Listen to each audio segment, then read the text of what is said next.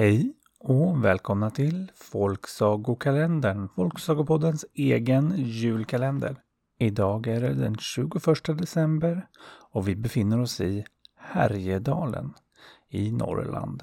På Sveriges västra sida mot Norge helt enkelt. Och här har vi mosippan som landskapsblomma. Vi har brunbjörnen som landskapsdjur. Och vill man besöka Härjedalen, ja då kan man till exempel besöka Lillhärdal eller Sveg. Eller varför inte Hede. Och vill man höra en saga från Härjedalen, ja då kan man bara lyssna vidare här. För nu kommer den.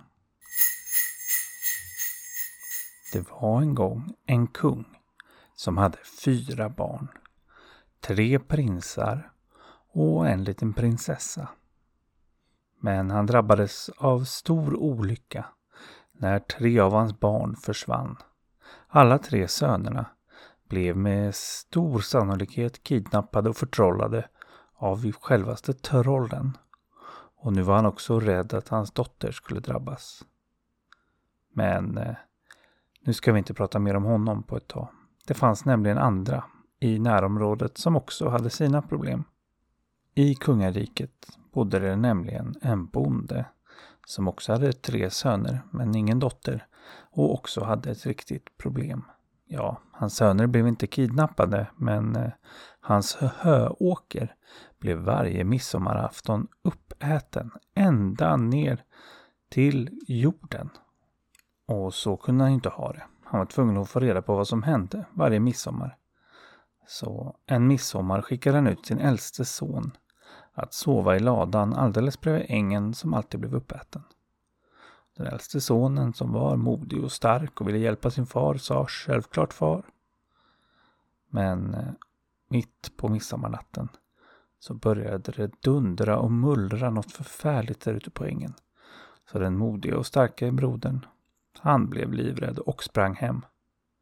Ja, pappa visste inte vad han skulle göra med sin besvikelse. Och ännu mer besviken blev han när de gick till ängen och såg att den än en gång var uppäten ända ner till jorden. Ett år gick och snart var det midsommar igen och den här gången fick inte den äldsta sonen i uppdrag att försöka ta reda på vad det var som hände. Utan det gick till mellanbrodern. Mycket stark och modig och duglig han också. Och han sa att jag kommer klara det här bättre än dig storebrorsan. Men den natten på midsommarafton så började det återigen mullra och dundra och dunka. Kanske till och med värre än förra året. Ja, mellanbrodern skulle i alla fall hävda det. När han skamset sprang hem, livrädd. Och morgonen efter var höåkern återigen helt länsad. Tom. Ännu ett år gick och bonden grämde sig. Och kungen han var förresten oroad över sina söner och nu också över sin dotter. Men vi skulle inte prata om honom, utan vi ska prata om nästa midsommar. Då den yngsta sonen hos bonden sa att han skulle kunna prova att vakta åkern. Och då skrattade pappan och bröderna. Skulle han, som var så liten och mest dög till att städa ur spisen, ja, han kallades faktiskt för just askefisen. För att han mest fisade runt och städade aska. Men askefisen var envis och insisterade på att få göra ett försök. Det kunde inte bli värre än hans äldre bröder. Och det hade han ju faktiskt rätt i, tänkte pappan. Så den midsommarnatten fick Askefisen chansen att vakta åken. Och det började dundra och smälla och mullra. Och visst blev Askefisen rädd men han tänkte om det inte blir värre än så här då klarar jag det. Men det blev värre. Ofantligt mycket mer började det dundra och smälla. Och Askefisen tänkte blir det inte värre än det här så klarar jag det. Men det blev värre och när det började smälla så illa då jag tänkte Askefisen springa hem. Men så kom han plötsligt på att det här var en chans att visa sina bröder att han faktiskt var något att räkna med. Ja, och sin pappa också. Så istället för att springa hem begav han sig ut på åkern och där fick han se en häst. En ovanligt ståtlig och stilig häst som mumsade på för fullt. Så Askefisen harklade sig och sa eh, Ursäkta, kan du sluta äta upp min pappas gräs här? Och hästen tittade upp och bad genast om ursäkt. Ursäkta, det är bara det att du är så gott. Alltså förlåt, det var inte meningen. Det, eh, vi kan väl göra så här. Om du bara tar med mig bort till berget där borta så ska du få en present och så ska jag inte äta gräset mer. Och det kunde ju askefisen gå med på. Så han hoppade upp på den ståtliga hästen och red bort till berget. Och där fick han en magnifik kopparrustning av hästen. Som också sa att han var hjärtligt välkommen åter om han behövde hjälp med något mer någon gång. Så bad han än en gång om ursäkt för det där med gräset. Men askefisen sa att det var okej. Okay. Begav sig hem och bestämde sig för att gömma undan kopparrustningen. Han tyckte att hans bröder och pappa inte hade något med den att göra. Och morgonen efter så tog han med sig sin pappa och sina bröder ut på åkern och så fick de se att ja, det var nog inte mer än halva uppäten. Och det var ju mycket bättre än någon av hans bröder hade klarat av. Så nu blev det här askefisens uppdrag. Att vakta gräset. Och nästa midsommar, ja då dundrade det på igen och askefisen undrade om hans kompis hästen hade glömt sitt löfte. Så han lämnade ladan och begav sig ut för att konfrontera honom men där var en annan häst. Om möjligt ännu större och ännu ståtligare än hans vän. Men han höll också han på att äta upp hela höåkern. Så askefisen harklade sig och sa eh, ursäkta kan du sluta äta upp min pappas gräs här? Och hästen han bad genast om ursäkt och skämdes så mycket och sa att om du bara följer med mig bort till det där berget där så eh, ska du få en present som ett plåster på såren, sen ska det aldrig hända igen. Så pekade han mot ett annat berg än det som hästen förra året hade pekat mot. Eller ja, pekat och pekat. Visat med mulen. I alla fall så fick askefisen hoppa upp på hästens rygg och de red bort till berget. Och väl där fick askefisen sin present.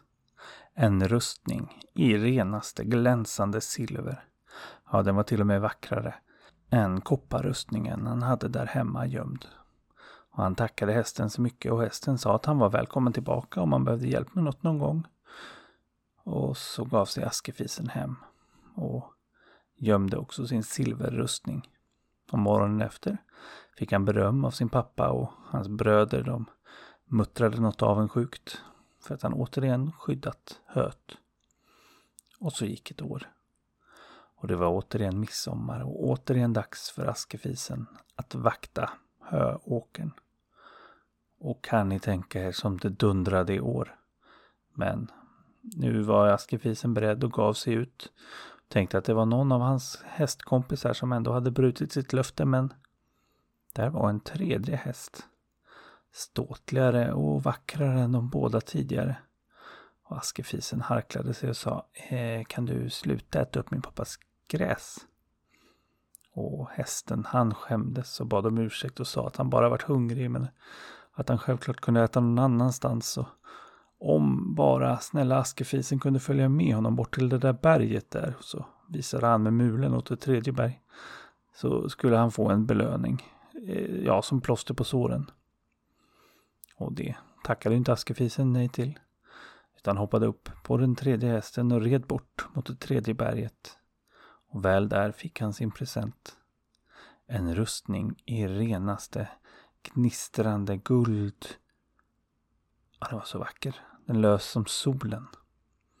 Askefisen tackade så mycket och hästen sa att det var han som skulle tacka för det goda höet.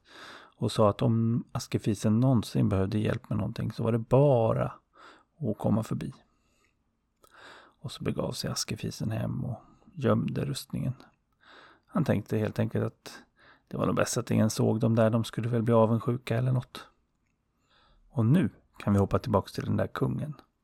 Han hade nämligen blivit mer och mer orolig över sin dotter för att han visste att trollen var ute efter henne också. Och han visste att det enda sättet att skydda henne var om hon blev gift. Men han ville inte att hon skulle gifta sig med vem som helst utan någon som var väldigt duglig ifall trollen någonsin skulle ge sig på henne igen. Så han kom på att han behövde en ordentlig utmaning.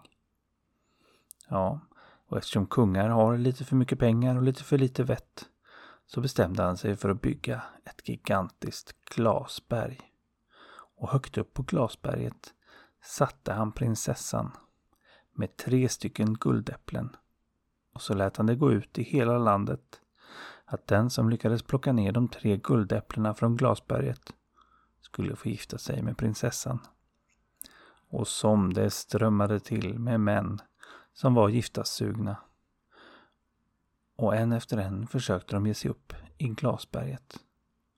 Problemet var bara att det var så halt och brant och läskigt att de antingen åkte ner eller ramlade ner eller helt enkelt fegade ur innan någon ens kommit halvvägs. Ja, inte ens den allra modigaste kom mer än strax över halvvägs. Och Askefisens storebröder, de försökte förstås också. Fast de bara hade trötta bondhästar. Och de kom inte särskilt långt men de stannade ändå kvar och var mäkta imponerade över alla som vågade försöka. Och där berättade de förstås för Askefisen. Som frågade om inte han kunde få följa med och kanske till och med prova att ta sig upp för glasberget. Men då skrattade de gott åt honom och begav sig iväg utan honom. Men då kom Askefisen på att han faktiskt skulle kunna prova med hjälp av sin hästkompis. Så han tog på sig sin kopparrustning och begav sig bort till sin första vän vid det första berget. Som gladeligen ställde upp och red iväg med honom. Och när de kom fram till glasberget så var där fullt av unga giftaslystna män som alla häpnande tittade på riddaren i den fantastiska kopparrustningen. Och ännu mer häpna blev de när hans häst modigt tog ett språng upp, högt, ja nästan halvvägs på första språnget och sen bara fortsatte upp, upp, upp för det hala, branta glasberget tills han var nästan ända uppe vid slottet. Och där satt ju prinsessan och hade inte så mycket annat för sig än att titta på hur det gick för folk som försökte ta sig upp. Så hon blev ju överlycklig när någon nästan höll på att lyckas. Det var inte så roligt att sitta i ett glasberg dagarna i ända. Så hon tog ett av guldäpplena och kastade ut till riddaren. Som fångade det, stoppade det i fickan på sin kopparrustning och red därifrån. Och Askefisen red sen tillbaka med hästen, tackade för hjälpen, tog sig hem, gömde sin rustning lagom i tid till att hans bröder kom hem från Glasberget. Och de var så exalterade över vad som hade hänt och berättade om vilken fantastisk riddare de sett. Så stark, så modig, så djärv. En sån tjejtjusare. Och Askefisen han fnissade lite för sig själv men sa ingenting. Och dagen efter frågade han återigen om han inte kunde få följa med sina bröder bort till berget och se på Ja, kanske den där häftiga kopparriddaren kom tillbaka. Men de bara skrattade åt honom och sa att han, han som såg så lortig ut, full av aska, skulle väl inte kunna vara där. Och så begav de sig iväg. Men eh, Askefisen, han gick genast och hämtade sin silverrustning, begav sig till det andra berget och frågade sin vän där om inte han kunde hjälpa honom. Och det ville hästen så gärna och snart var det dags för alla vid glasberget att häpna igen när en ståtlig riddare i silverrustning på en ståtlig häst kom ridande i full galopp, hoppade upp långt över halvvägs upp på berget och fortsatte upp, upp, upp trots att det var så brant och halt. Ja, den kom närmare till och med än vad riddaren i kopparrustning gjort igår.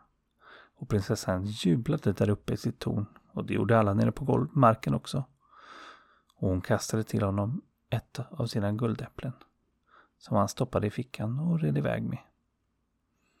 Sen red Askefisen bort till berget, tackade hästen, begav sig hem, gömde sin rustning och precis då kom hans bröder hem. Och de var ännu mer uppspelta än de varit igår och tjatade och tjatade om den där riddaren i silverdräkt. Och Askefisen undrade om de visste vem det var men de bara skrattade och sa det är ju ingen härifrån förstår du väl? Eller det förstår du såklart inte, så dum som du är. Och morgonen efter, när bröderna återigen skulle bort till glasberget, frågade Askefisen om han inte fick följa med. Men det fick han såklart inte. Och de kallade honom lortig och dum och liten och allt möjligt och begav sig iväg. Och Askefisen, han tog på sig sin guldrustning, begav sig till det tredje berget och frågade hästen om inte han kunde hjälpa honom. Och det ville han såklart gärna. Och kan ni tänka er vad alla modiga giftaslystna män vid Glasberget hade för reaktion när det kom någon i guldrustning ridande snabbare än de någonsin sett någon rida. Och med sån lätthet red upp för Glasberget och tog ett varv runt slottet. Bara för att styla.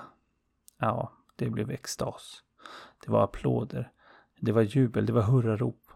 Och allra mest från prinsessan som räckte över det tredje guldäpplet i guldriddarens hand. Guldriddaren nickade lite lätt och red därifrån med guldäpplet i sin ficka.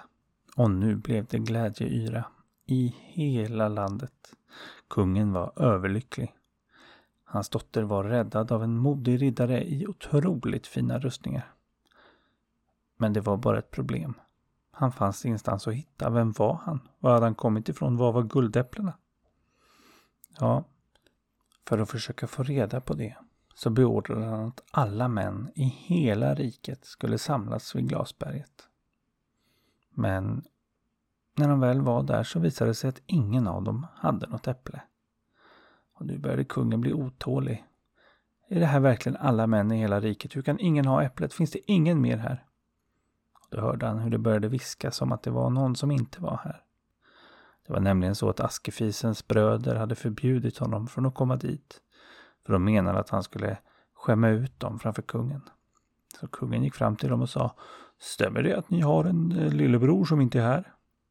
De sa ja, men han har inga guldäpplen eller någon rustning eller någonting. Det ska du veta. Så det var bara onödigt att ta hit honom överhuvudtaget. Men det örat ville kungen inte lyssna på. Så bröderna fick skamset gå hem för att hämta Askefisen. Men han var inte hemma. Så ännu skamsnare började de ge sig tillbaks till Glasberget men då fick de se att där, där väntade en riddare i guldrustning med alla tre guldäpplen. Åh, vad de blev förvånade. Och ännu mer förvånade blev de när de kom fram och såg att den där riddaren, det var deras egen lillebror. Nu blev det festyra i hela landet. Prinsessan var rädd att det skulle bli bröllop. Alla var glada. Ja, kanske alla utom Askefisens två äldre bröder. Och i all glädjeyra fick Askefisens syn på de tre hästarna som hade kommit dit. Och han sprang fram och kramade om dem och frågade hur han någonsin skulle kunna tacka dem. De hade gjort honom till prins. Och då hade de alla tre samma önskning. Hugg av vårt huvud, sa de. Men Askefisen sa att det kan jag omöjligt göra, ni som har hjälpt mig, ni är mina vänner. Jag kan inte hugga av ert huvud. Men de fortsatte att tjata och till slut så tyckte inte Askefisen att han hade något annat val. Han stod ju i skuld till dem. Så han tog upp sitt nya svärd han hade fått av sin svärfar kungen. Och så högg han. Det var så vasst att det räckte med ett enda hugg för att hugga av alla tre huvuden. Men knappt hade huvudena fallit till marken förrän hästarna framför honom förvandlades till prinsar. Det var de tre prinsarna, prinsessans storebröder, som hade varit förtrollade till hästar alla dessa år.